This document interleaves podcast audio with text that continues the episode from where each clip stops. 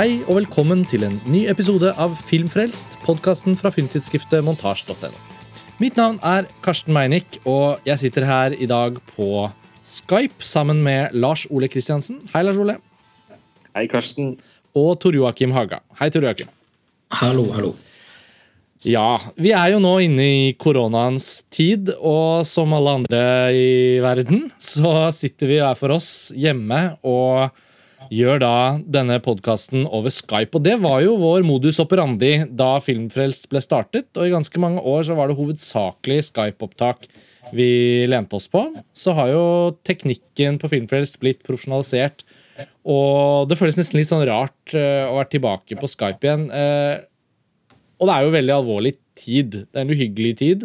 Men vi skal snakke om film. Vi skal fortsette å gjøre det vi pleier. Men Lars Ole, siden dette er den første episoden vi da tar opp etter utbruddet av koronaviruset i Europa og de strenge tiltakene vi, Det blir vanskelig å ikke snakke litt om det. Det har jo noe å si for film vi skal snakke om òg, som opprinnelig gikk på kino, men som ble sluppet rett på klikkefilm. Uh, The Invisible Man. Før vi kommer til filmen, uh, Lars Ole, hvordan går det med deg? Og hvordan syns du det er å lage podkast i koronaens tid? Ja, altså jeg blir jo egentlig litt nostalgisk, jeg, for jeg husker jo at det var dette vi holdt på med i, i, i begynnelsen, som du nevnte. Eh, da var jo jeg ung student og tilbrakte jo tross alt veldig mye tid innendørs i kollektivet mitt på Lillehammer og så enorme mengder film hver eneste dag.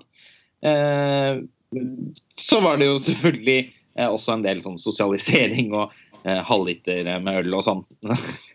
i tillegg. Men det, føles jo litt som å være tilbake i fortiden på en måte også.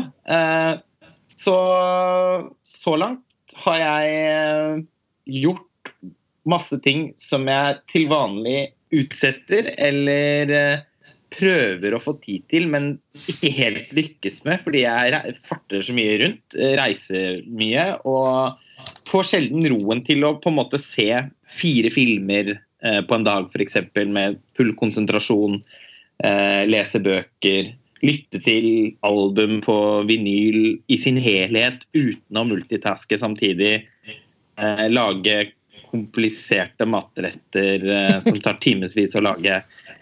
ja, fordi nå må jeg jo bare skyte inn, jeg glemte å si at vi tre er jo alle friske også. Friske og raske og friske i vår nærmeste familier og sånn. Så så lenge man holder seg hjemme, så er jo ikke vi personlig rammet eh, av koronaviruset, da, kan man jo skyte inn. Vi, vi har det jo til felles at vi faktisk holder oss jo eh, hjemme. Eh, du i Fredrikstad, jeg eh, i Halden, og akter ikke å forlate Borgen på en stund. Så det er litt sånn selvvalgt eh, karantene. Også på en måte da selvfølgelig fordi vi har muligheten, fordi vi jobber med det vi gjør. Så det blir jo mye montasje framover. Og vi har eh, masse spennende å by på. All denne filmkikkingen og boklesingen og alt skal jo resultere i ting. Det skal som, resultere i noe. Når lytterne våre vil ha glede av. Da. Men Tor, så langt alt vel her. Bra, godt å høre. Tor Joakim, du er jo hovedstaden. Eh, Norges episenter for ut utbruddet, hvis man kan si det på den måten. Eh, hva tenker du om dette? Altså Jeg personlig har jo ingen problemer med det. Jeg er vant til å leve i jeg har levd ti år i isolasjon, jeg, så det er greit. Nei, jeg spøker litt. Det, det er, personlig er, det ikke så problematisk, men jeg registrerer jo at det er det for andre. Mm. Nei, altså Jeg lever som vanlig. Jeg går eh, lange turer og i full fart da, eh, forbi alle. sånn. Og så um, prøver jeg å sitte og produsere innhold for de tingene jeg driver med. Selge og tunes og, og sånn. og er det, men det er veldig morsomt at neste uke skal jeg gjøre en greie for Amandus filmfestival. og Det må jeg gjøre via YouTube, YouTube livestream og sånn, så man får prøvd seg på litt sånn nye arenaer. da. Mm. Ja, samme her. Eh, jeg skal til pers med Amandus eh, over YouTube, jeg også. Så det blir jo i erfaring. Man lærer jo nye ting da i, av en sånn unntakstilstand som dette er. Vi får bare håpe at det er noe igjen av verden som kan Sånn så, så, det er noe vits å ta i bruk erfaringene etterpå. Ja, og jeg tenker... I kveld så føler jeg at nyhetene har vært så dystre at jeg liksom for alvor begynner å bli litt sånn Er det, er det, sånn, er det noe man faktisk skal liksom koste på seg å være litt engstelig og deprimert, eller skal man bare fortsette å inne i sin egen boble? Nå var det snakk om 18 måneder med unntakstilstand og et Norge som aldri kommer til å reise seg igjen. Man blir jo selvfølgelig også eh, Ja, men eh, det Det er mange filmfestivaler som går fløyten der, kanskje? Ja, ikke sant? Altså, det, er sånn, det er jo eksistensielt ganske massivt, dette her. Selv om det er deilig å sitte hjemme og se på film. Velkommen til denne episoden om et gjensyn med Steven Soderbergs Contagion. Vi skal nå grave oss dypt ned i mørket. Det er jo faktisk til å gjøre på et tidspunkt. Ja, Det er ikke helt utelukket, men nå hadde jeg tenkt å avbryte deg, Lars Ole, og skyte inn og si at for våre lyttere er nok også det å høre på Filmfrelst nå et avbrekk fra nyhetssyklusen. Eh, Ja. Det var veldig naturlig at vi, at vi sa litt her i introen om hvordan vi har det med dette, og, og rammene for opptak av denne episoden. Men vi kan jo da bevege oss over filmen vi skal snakke om. Um, The Invisible Man hadde da opprinnelig kinopremiere.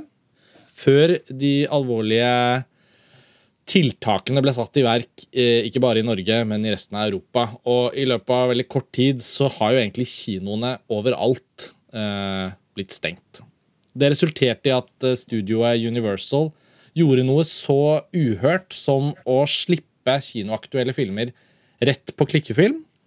Eh, dette kjente vinduet mellom kino og hjemmevideo, da, på en måte, som er sånn gjerne tre-fire måneder i hvert fall, det har jo vært en så hellig ku at det aldri har blitt utfordret, på tross av hvor mye teknologi som har kommet inn i filmkulturen og internett og streaming, og likevel har det da ikke løst seg. Nettopp fordi alle er enige om at vi skal holde den kinoøkonomien ved like. da. Men nå er det jo helt spesielle tilstander, og det gjorde da i første omgang at disse filmene fra Universal, som enten akkurat hadde hatt premiere eller skulle til å ha premiere i Norge og andre steder, ble veldig raskt sluppet digitalt. Og dermed, for vår del, som ingen av oss eh, hadde vel rukket å se The Invisible Man eh, på verken pressevisning eller kino, og så kom eh, koronaen, og så kom den da på klikkefilm.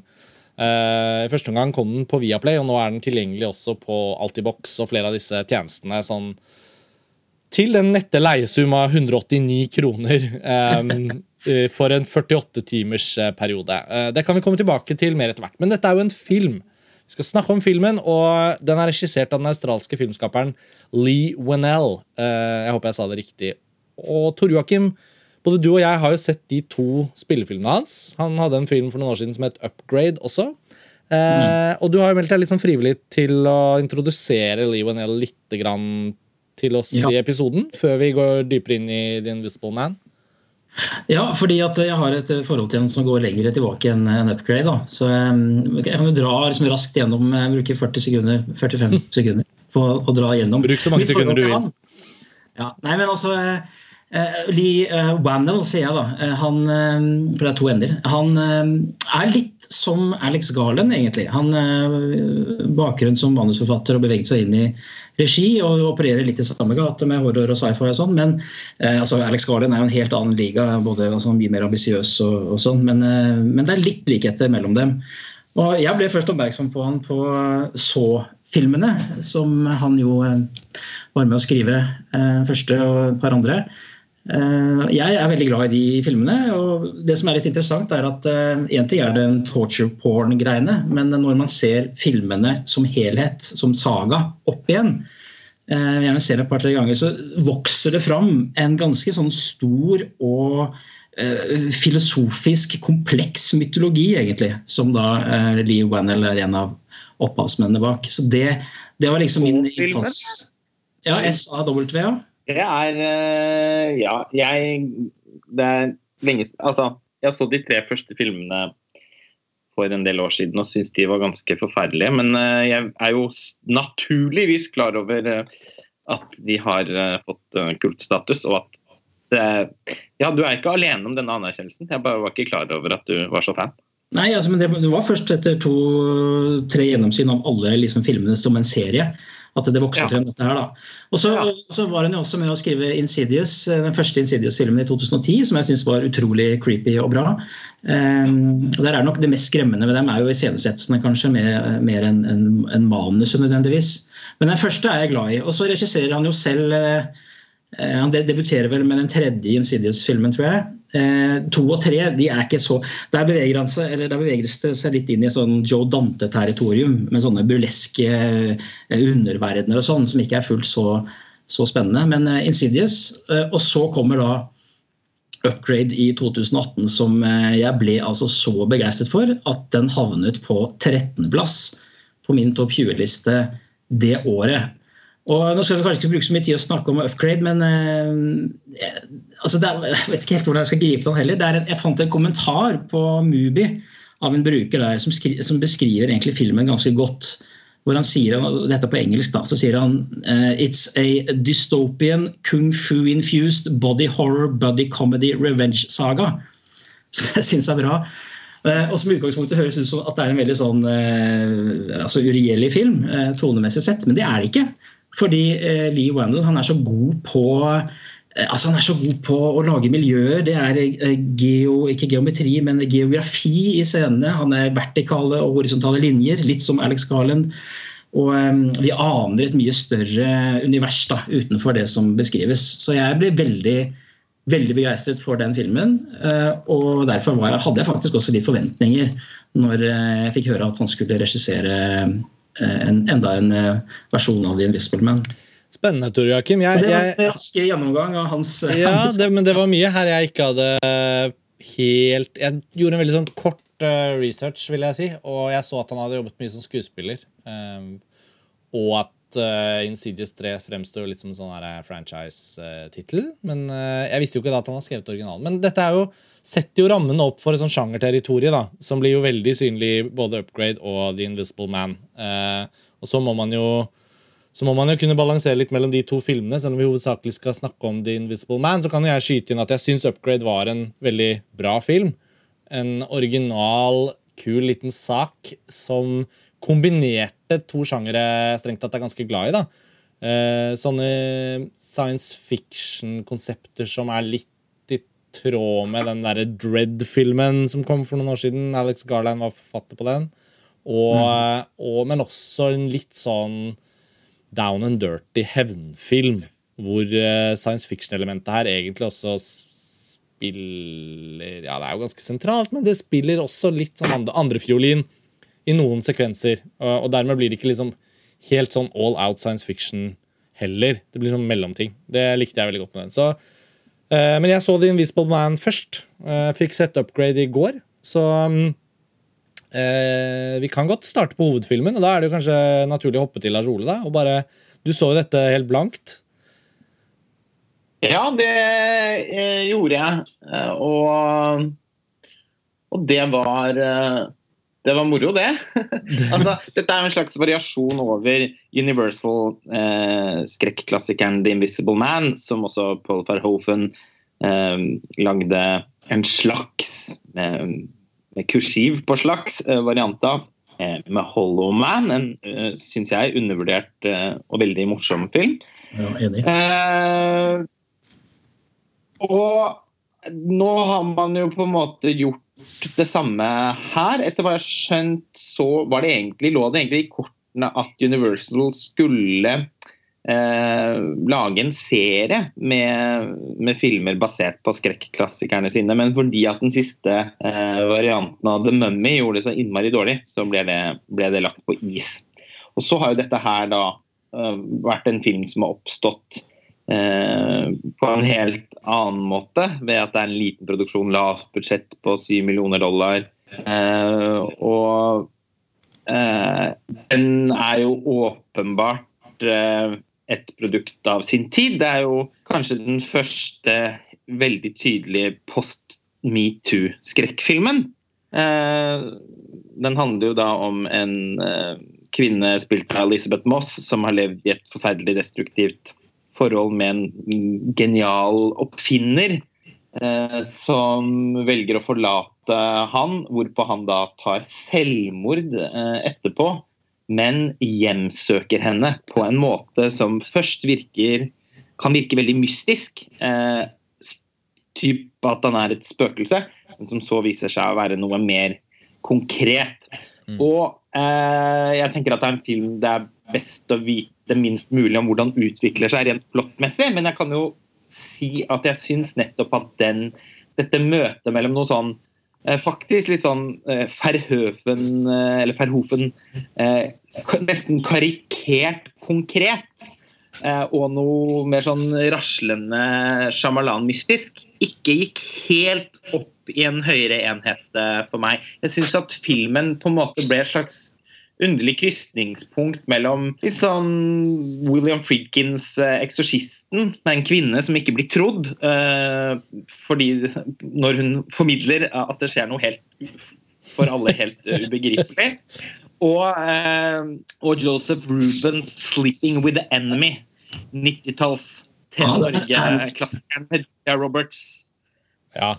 Det er, altså, det er en B-film som på en måte eh, blir eh, hauset opp, tror jeg, fordi at den rent politisk har noe for seg. Men eh, skal den for meg lykkes med å være liksom en, sånn, da, en fullblods B-film, så, så, hadde den vært nødt til å skru opp mer nesten overalt. Jeg synes ikke den er Det er noen ubehagelige scener der, men det er langt fra ubehagelig nok. Og den er for delikat på en eller annen måte til at jeg kjøper det. Jeg var litt undervelda må jeg innrømme, etter den, den veldig positive responsen da, som filmen har fått. Den Hollow Man-koblingen er jo veldig naturlig. Den tenkte jeg mye på også. Tor Joakim, vi snakket jo veldig mye om Paul Verhoeven i sin tid da vi lagde en spesialepisode om ham. Og Hollow Man er en film som sannsynligvis står, står stødig hos deg også. Kan du si ja. litt om, om, den koblingen og, og, ditt, og, dine første tanker om The Invisible Man? Ja, altså det er jo det kan jeg, skal bare si det er, det er liksom tre, tre usynlige mannfilmer som, eh, som, jeg kjenner til. og Det er James Whale sin fra 40-tallet. Det er eh, John Carpenters 'Memoirs of an Invisible Man' fra 1992, som da ikke er basert på H.G. Wells sin uh, roman. Og så er det da Hollowman. Hollow Man. Og, men Hollow Man er en litt annen liga. Jeg er helt enig med Lars Ole, undervurdert film, fordi den fråtser i male gaze og i altså, forhøfensk satire. Ja, altså, det, det, er så mye som skjer. Ja. Woke enn denne filmen, kan man si.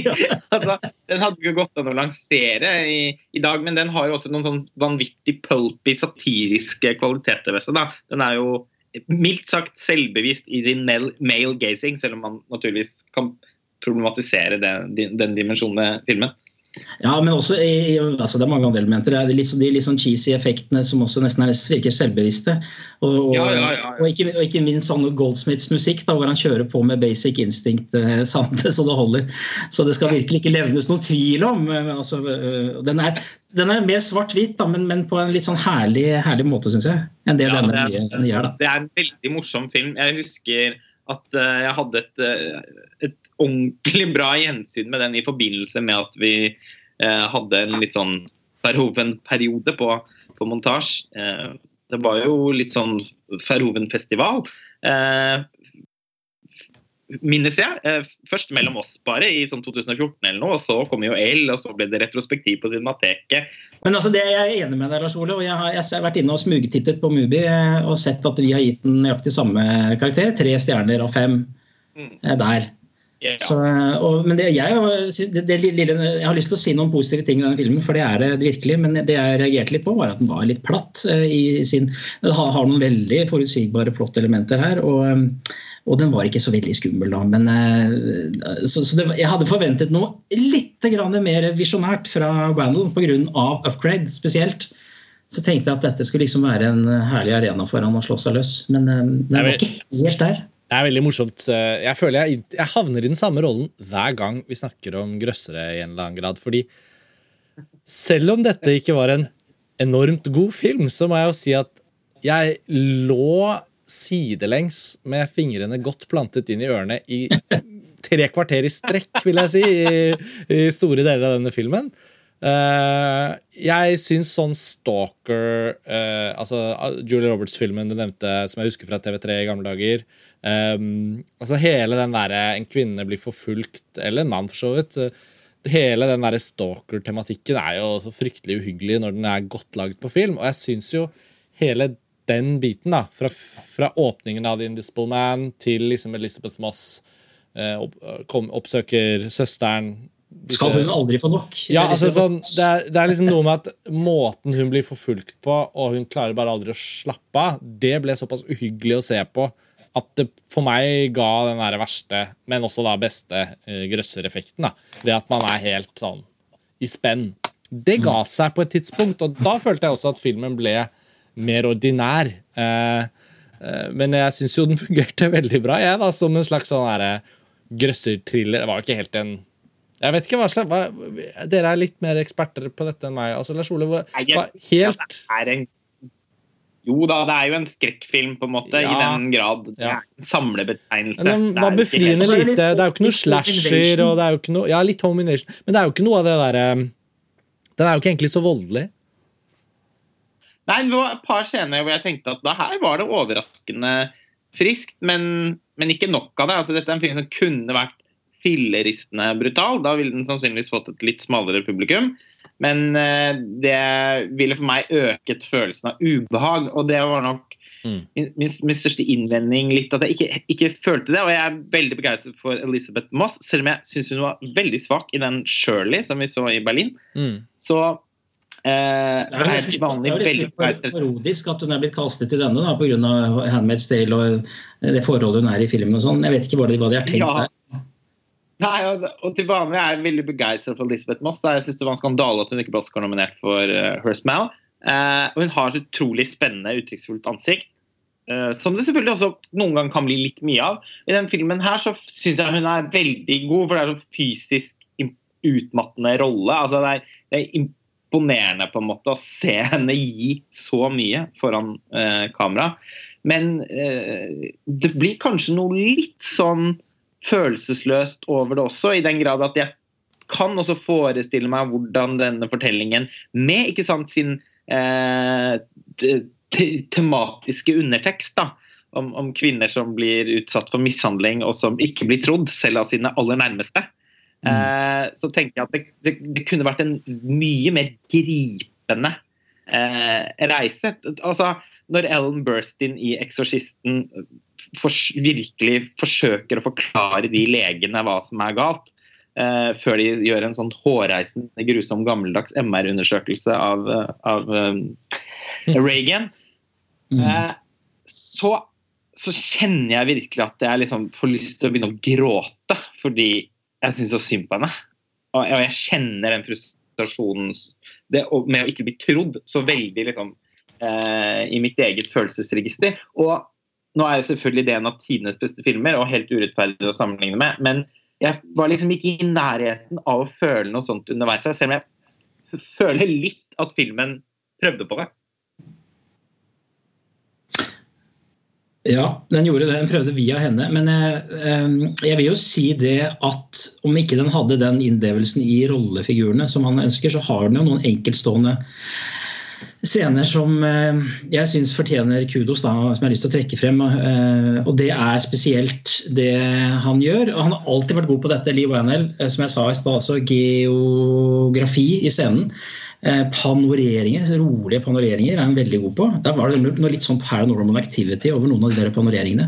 Og så er han god på å holde statiske innstillinger på tomme rom. Altså, det er jo i bunn og grunn et pillow shot eh, som man har masse av. Men i motsetning til, til Ozo eller Ensmel, så er det jo ikke en, en, en, et øyeblikk til refleksjon. Det er jo, det er jo et øyeblikk som skal skape en nerve. Fordi du blir nettopp fordi du blir sittende og søke etter små bevegelser i skygger på veggen i gangen og døra beveger altså Du blir sittende og lete etter det. Og han, han holder de, de, akkurat de der innstillingene holder han veldig lenge. Det skal han ha litt kudos for. Altså. Det synes jeg, jeg var fint.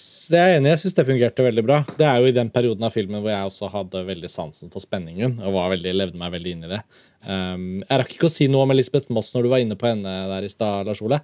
Men jeg må innrømme at på et visst punkt i filmen, og jeg syns hun var god, langt bedre enn i Shirley, så slo det meg altså at Elisabeth Moss er jo litt sin generasjons Glenn Close hun er kapabel til å spille stalkeren eh, og koke kaninen, på en måte.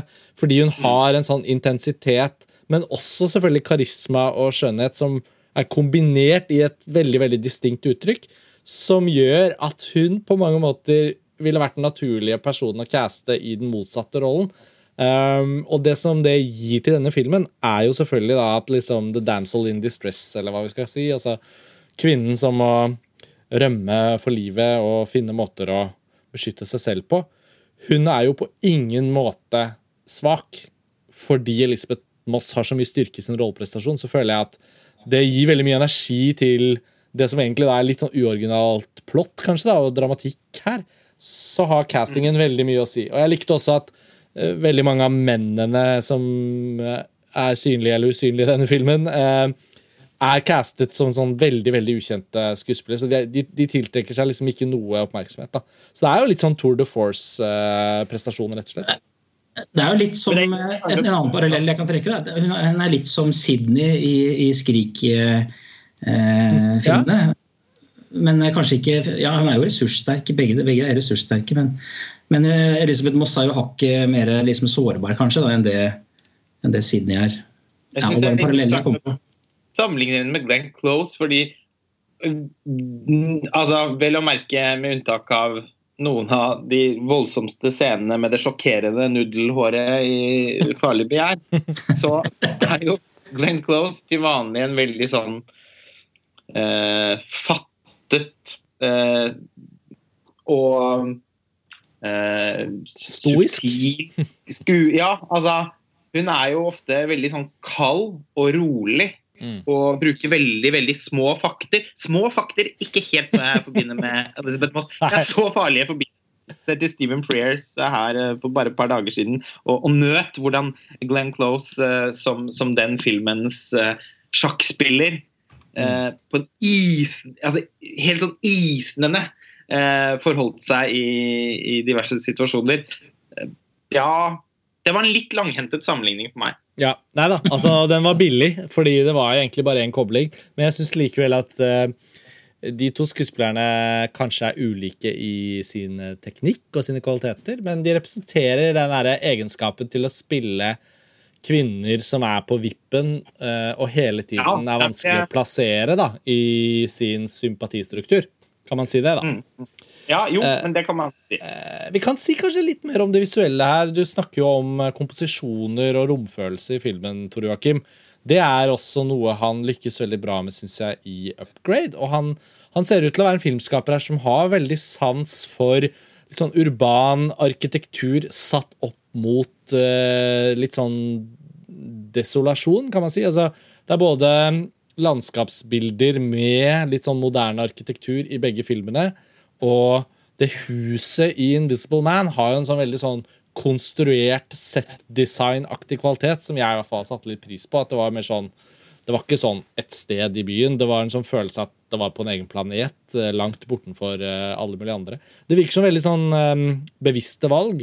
Ja, Det er også en sånn ting som gjør at jeg tenker litt på Alex Garland igjen. Da. På både X-Machina og Annihilation så er han veldig opptatt av disse store eh, glassflatene, vertikale og horisontale linjer, om det er listverk, eh, om det er paneler. Eh, sånn at, at stedet skal, skal, komme fram og være, bli en rollefigur, som man sier, som er en floskel, men som jo er et tilfelle i begge hans filmer. Så jeg likte veldig godt alle de sekvensene som utspilte seg der ute på hus, til hus, altså, mm. ja, landsstedet. En, en listverket film.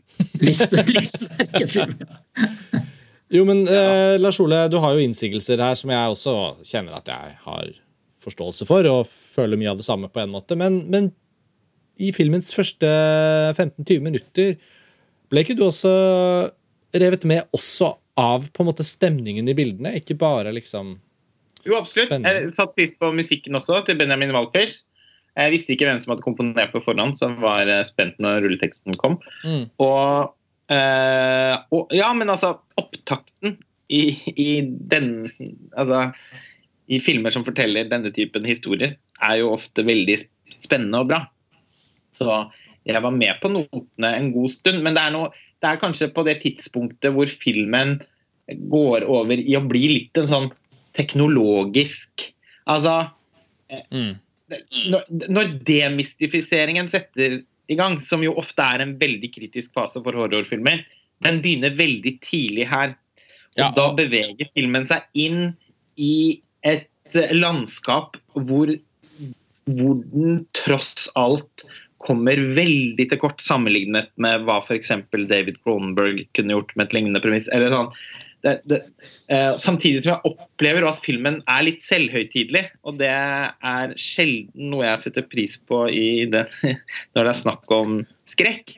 Uh, da må det i hvert fall altså, I den grad det skal være det, så må det da være virkelig med uh, med, en, med en substans som kan Som kan leve opp til den nest, nær sagt litt sånn Jeg vet ikke. Det, det var noe et eller annet eh, når, når, når filmen når det, når, det, konkretiseres, når mønstrene liksom avtegner seg tydeligere og tydeligere i et ganske hurtig tempo, så kjente jeg veldig på at jeg visste akkurat hvordan det kom til å gå. Og, og for meg så glapp liksom spenningen litt, da, også fordi det ikke var mange nok virkelig sånn skumle sekvenser. da. Det er én der oppe på et loft som fungerte veldig bra for meg. Mm. Eh, det, det, det er so Soveromssekvensen syns jeg også var god eh, tidlig. den, ja, den er også god. Men begge de to er veldig tidlig i filmen. Mm. Så det, jeg, jeg syns den sliter veldig med å på en måte komme seg opp i Altså å, å, å løpe seg i form etterpå, da. Jeg, jeg, jeg mistet rett og slett litt interessen. Det er det mitt ærligste svar. Jeg tror, jeg tror det svakeste med denne filmen Og nå skal jeg prøve å være litt sånn generell, så det ikke blir en spoiler, da, for det er greit å holde det spoilerfritt, tross alt. Ja, Det er vel at på et tidspunkt så oppstår det en følelse i en ellers ganske original film av den litt sånn gemene uh, marvelifiseringen av uh, high concept science fiction slash uh, sjanger. uh. Det er liksom som om det har oppstått en helt egen sjanger. da, at hvis du, noen åpner et glasskap, og det ser ut som det henger masse teknologiske duppeditter ned rundt omkring, og man kanskje kan ikle seg eh, en superheltdrakt, eller man kan bli injisert med et serum, eller Dere vet nå hva jeg mener? ikke sant? Sånne steder og rom. De har vi sett veldig mye av de siste 10-12 årene. 10-15 årene. Og eh, jeg kjenner at alt i den sjangeren der trenger gjenoppfinnelse, og det er ikke i denne filmen den gjenoppfinnelsen skjer. Og så er det jo til Leigh Wennells eh, fordel, eller eh, til hans ære, så har han sagt nå veldig tydelig at denne filmen hans er ikke en del av et cinematic universe. Dette Dark Universe som de prøvde å sette opp med The Mummy, og sånn, er jo lagt på is. Og nå skal det være sånne standalone filmer hvor Universal prøver å vekke opp igjen mange av disse uh, tingene de eier. da, ikke sant? Alt, alle disse Universal Monsters fra gamle dager. ikke sant? Kan man, ta de, ja, ikke sant? kan man ta ideene, plukke dem opp igjen, snu og vende på det? og man kan jo si at pitchen her er ganske god. da, At vi skal bare bruke 7 millioner dollar på å produsere The Invisible Man, som er for en post-metoo-æra. Og den skal være woke, og det skal være bra skuespill. og Det er jo noe sånn Shyamalan-inspirasjon her også, i tålmodigheten i fortellerstilen og sånn. Så alt i alt ja. ja, alt i alt så, så bikker jeg mer positivt over i å tenke at tross alt Det var jo en film å la seg underholde av og, og for så vidt ta med seg litt. Eh, Jeg tenker at han filmskaperen her, han har mer i ermet. Eh, Men Ja, nå, sier nå sies det jo at han skal jobbe på en ny innspilling det vet jeg ikke om jeg er så begeistra for, en ny innspilling av 'Escape from New York'. da. Så vi, Åh. Det er liksom det han jobber med nå. Men, ja, du, eh, nevnte jo, du nevnte jo Carpenter i stad, Tor Joakim. Eh, Ja. ja, jeg syns han virker å være en filmskaper som bør motiveres til å gjøre originale ting. da. Eh, enig. Ja, jeg Eh, synes også. selv om dette er en uh, Invisible Man er jo på en måte Ja, det er den boka, og så er det gamle filmen og sånn, så føles denne her som en ganske sånn I den grad den kan være originalskrevet over en sånn kjent tittel, da, så syns jeg den føles ganske lite som en sånn remake eller Ja, nei, det var ikke noe sånn type følelse jeg satt igjen med. Det men, men det er noe et eller annet med uh, at det er veldig mye sjangerfilm som har blitt veldig infantilisert uh, i, de siste årene. Kinomarkedet er i endring. Uh, det er, og dette er selvfølgelig da en utpreget voksenfilm, men den kunne vært det enda mye mer. Den, den, jeg føler også at den også skal tekkes et ungt eh, litt sånn underholdningsskrekk-sultent publikum, samtidig som den skal ha noe på hjertet. eh, og den skal også være litt et karakterdrama. Men det er ingen av de Jeg syns bare at den tross alt, selv om den på en måte da er en eh, Ja, den er ikke noe Den fremstår jo på ingen måte som noe remake, eh, og, og, den, og den er absolutt liksom inspirert på en eller annen måte. Eh, bare ved liksom altså Metoo-tilknytningen alene gjør den interessant. Men uh, Men jeg opplever likevel at den tross alt bærer litt preg av å være At det er noen kompromisser uh, her. Det er det. Men den har jo fått jevnt over gode kritikker. Jeg har lest til og med noen som sier at den er like, like skummel som ja, Hereditary eller andre sånne snakkis-sjangerfilmer de siste årene. Det, det, er jeg jo ikke enig i. Altså, havet, havet mellom hva Ari Aster har holdt på med i de to filmene sine, og det vi så her, det er et ganske stort hav. Ja. Nei, men jeg tenker at jeg tenker det, det, er blitt liksom fanget opp av det Lars Ole nettopp snakket om. At dette er en ja, viktig hermetegnfilm fordi den, den, skal ta alle disse kompromissene inn over seg. At det er det folk har hengt seg opp i, kanskje? Jeg vet ikke.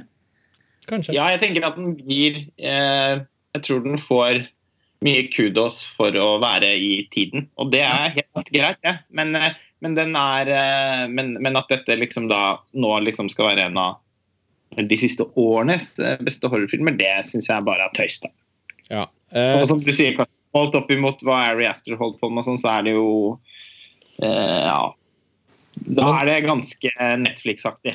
Men eh, for bare fire år siden så skulle da The Invisible Man eh, produseres hos Universal innad i dette Dark Universe, og det skulle gjøres med Johnny Depp i hovedrollen. Så mm. we dodged a bullet der, tenker jeg, da. Og om, om, det, er, om det er denne type prosjekter. Og noe, jeg har noe sånn sympati for det derre evnen han Blum, Jason Blum, han produsenten som driver det Blumhouse Productions, som har nært samarbeid med Universal og fòrer dem med masse billig sjangerfilm, og har vært med å revitalisere M. Night Shyamalans eh, karriere. Og har den der vanvittig bra antologiserien Into the Dark, med hvor han henter inn masse talent. Ja, ja, ja. Altså, han virker å være en utrolig god sånn, katalysator for talentfulle filmskapere da, og finner den balansepunktet som gjør at mange av disse prosjektene ender opp med å gå i profitt. Som igjen er med å forløse nye prosjekter for filmskaperne som er koblet på det. da. Så at alt i alt, så hvis man skal begynne å oppsummere litt, så lander jo jeg med at dette her var veldig sånn tommel opp ikke så verst, ja, jo, det... ikke så verst prosjekt. Nei, men altså selvfølgelig ikke. Og jeg er også glad for at filmen er laget, fordi den har kostet lite penger og brakt inn veldig Altså solgt mange kinobilletter. Det var dette her som var horrorfilmens eh, på en måte livsgrunnlag på, på 1980-tallet, når den var på sitt største. New Line Cinema, på en måte, som eh, lagde horrorfilm på løpende bånd eh, fordi det var mulig å lage også på en måte mulig å lage spennende, gode filmer på forbausende lavt budsjett, som sopet inn vanvittige summer som kunne brukes på, på andre ting isteden. Så det, eh, ja, jeg er superbegeistra for at man har klart å piske opp en entusiasme for horrorfilmer igjen i, i, amerikansk kinofilm. Det er jo helt fantastisk. og de gjør det jo gjennomgående kjempebra på kino og koster veldig lite sammenlignet med alle de vanvittig påkosta superheltfilmene osv. Så, videre. så og denne er jo Altså Jeg, jeg, jeg syns det er gledelig at denne filmen nå blir en så stor suksess. Det, det, det sier noe om at horrorsjangeren liksom for alvor er på vei eh, inn i en ny glansperiode i amerikansk film som man ikke har sett maken til siden 80-tallet. Og det er jo fantastisk. Og, eh, men filmen er bare helt OK. Men jeg må også skyte ned at, dra tilbake til Wanley igjen, at Eh, jeg er fortsatt fan av han. Eh, filmen var ikke så eh, si, visjonær som jeg hadde trodd, kanskje, basert på det tidligere jeg hadde sett. Men det var akkurat nok sånne originale og kule elementer i den filmen til at jeg fremdeles har, har trua på, på Vanel. Da. Så det var ikke noe sånn film som Jeg, det, jeg syns det er en rimelig god film, og ikke noe, til, ikke noe som ødelegger noen karriere eller noe som helst. Nei, jeg tror nok den heller kommer til å forløse ganske mye for de involverte. Eh, vi snakket jo litt om at den er en kinosuksess, Lars for det rakk den jo å bli. Men eh, for å komme tilbake til det vi startet med, så har jo da filmen også fått avbrutt sitt kinoliv brått. Og vi har jo alle sett denne da som klikkefilm, og eh, det er jo et faktum at EU har bedt internettleverandørene om å sakke ned på mengden HD-video og sånn som kan strømmes i denne epidemien for å holde internett stabilt. Alle sitter jo nå hjemme eh, og strømmer mye. Eh, de færreste har jo fysisk format, men Men jeg tror vi alle opplevde at uh, det strengt tatt ikke, ikke, hele veien var optimal kvalitet. Og vi sitter jo på tre forskjellige linjer og tre forskjellige typer utstyr og sånn, så det er jo litt nedtur å erkjenne at det tross alt er ingenting som kan matche å se en film på kino. Det, det er vel de fleste enige om. og Jeg vet ikke helt i hvor stor grad jeg applauderer at dette kinovinduet nå trues litt sånn for, på ordentlig, da, for aller første gang i moderne tid. Det, under spanskesyken i 1918 så ble også alle kinoene i Amerika for eksempel, stengt. og og kinoindustrien kjempet hardt for å komme seg opp på beina igjen. og sånn. Så kom lydfilmen og bla, bla, bla. Det er jo liksom filmhistorie. Men jeg er liksom usikker på hvor dette bærer. da. Eh, om det nå betyr at eh, kinovinduet er mye står mye svakere når kinoene åpner igjen, etter at eh, studioene får eksperimentert med dette her. og så Kanskje en film som gjør det litt dårlig på kino, trekkes umiddelbart, og så slippes som klikkefilm uh, istedenfor. Uh, kanskje man får færre filmer på kino fordi uh, tillitsforholdet mellom Hollywood-studioene og distributørene og kinoene blir liksom Det, det er mye usikkerhet nå da, i hva, hva, som testes ut. Og ja, jeg vet liksom ikke helt hvor det bærer. og Denne filmen var helt ok å se hjemme, men jeg kjenner jo at uh, den ville antageligvis kunnet gå mange mange uker til på kino. Og, og, kanskje fungert enda bedre der. Jeg vet ikke med dere, men Ja, så er det noe med prisen som du snakker om, at den er for høy da, selvfølgelig for en eh, klikkefilm. Eh, sånn, så det er også et eh, Jeg vet ikke om det er, skal bli modellen fremover. At, det, at, det, at, du liksom betaler kinopris og enda litt til for å se en, en film som skulle vært på kino. Eh, ja, Det er en annen diskusjon. Det syns jeg var en ganske avskrekkende pris. Ja. Særlig når kvaliteten, tross alt, visningskvaliteten ikke var så god. Mitt eh, eh fire ganger eh, to og en halv meter lerret eh, taklet den i hvert fall ikke så bra. Eh, det så bare Det var DVD-kvalitet.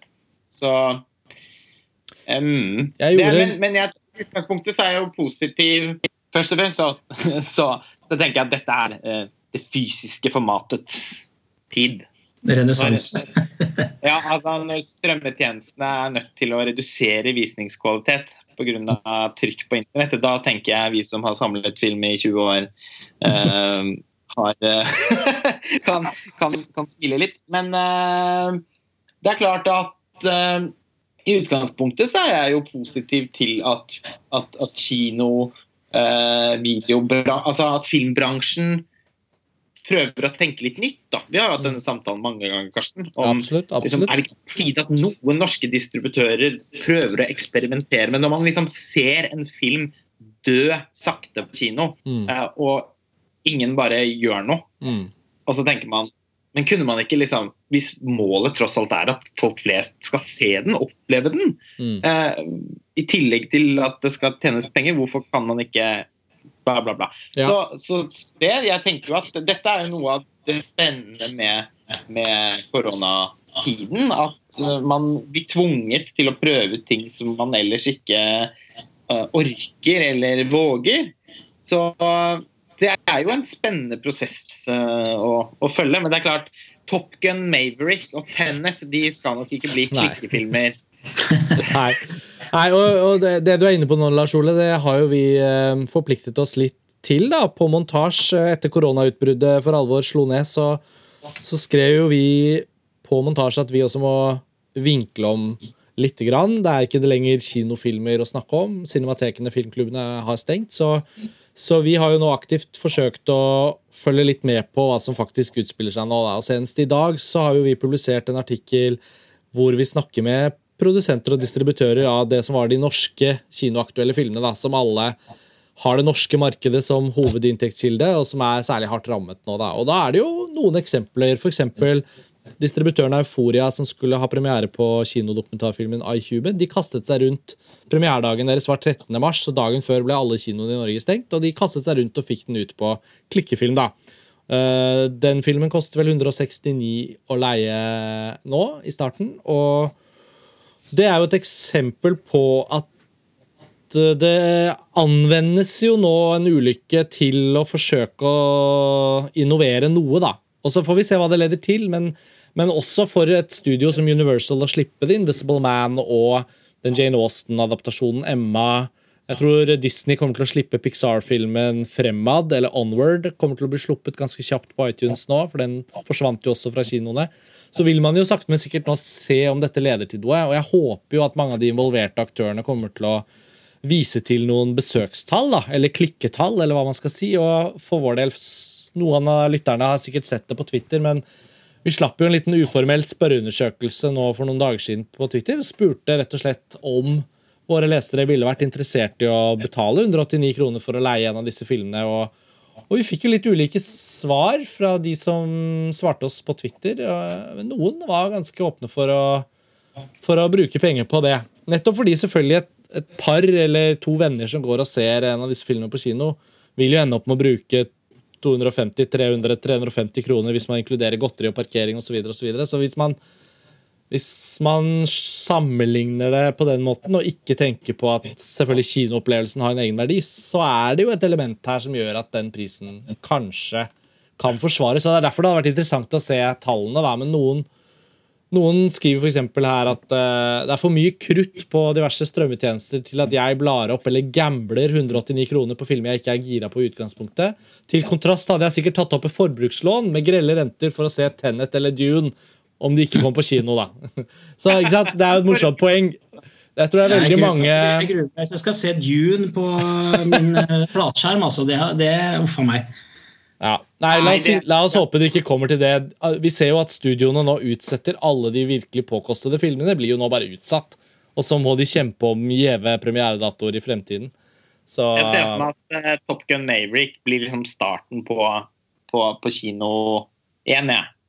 Ja, ikke sant? Vi får se. Herregud, det er jo utrolig Men forutsigbart. Men skjøvet litt eh, senere, kanskje, og så, og så, er, det, så er det Tom Cruise som skal få lov. Jeg så eh, oppdaget senest i går, til Joakim. Eh, for jeg, det, det har gått rundt og tenkt på liksom, åh, jeg håper ikke de fucker opp med musikken i den filmen. Og så kom jeg på det i går, og så klikket jeg meg inn på Internet Movie Database, og så så jeg jo at da er faktisk Harald Faltermeyer sammen med Hans Zimmer som, som komponerer musikken til Tom Gun ja. Maverick. Det er jo bare. Det har vært litt, uh, vært, ja, det har vært litt diskusjoner om det, om, uh, om Faltermeyer faktisk bare altså, bruker hans temaer, eller om han faktisk er med. Det er litt frem og tilbake der, men akkurat per dags dato så ser det ut som Faltermeyer faktisk er med da, og skriver sammen Ja. Ja, i, I alle tilfeller så ville det bare vært veldig bra at hans tema da er bevart i den grad at han må krediteres som medkomponist, og at det er ingen ringere enn Hans Zimmer som ja eh, som arbeider videre med det, på samme måte som Giorgio Moroder og var involvert, eh, involvert eh, ja, det, må, det må jo bare bli bra. Ja, det må, altså De trailerne òg er så bra at jeg er, er jo kjempe, kjempefan av uh, originalen.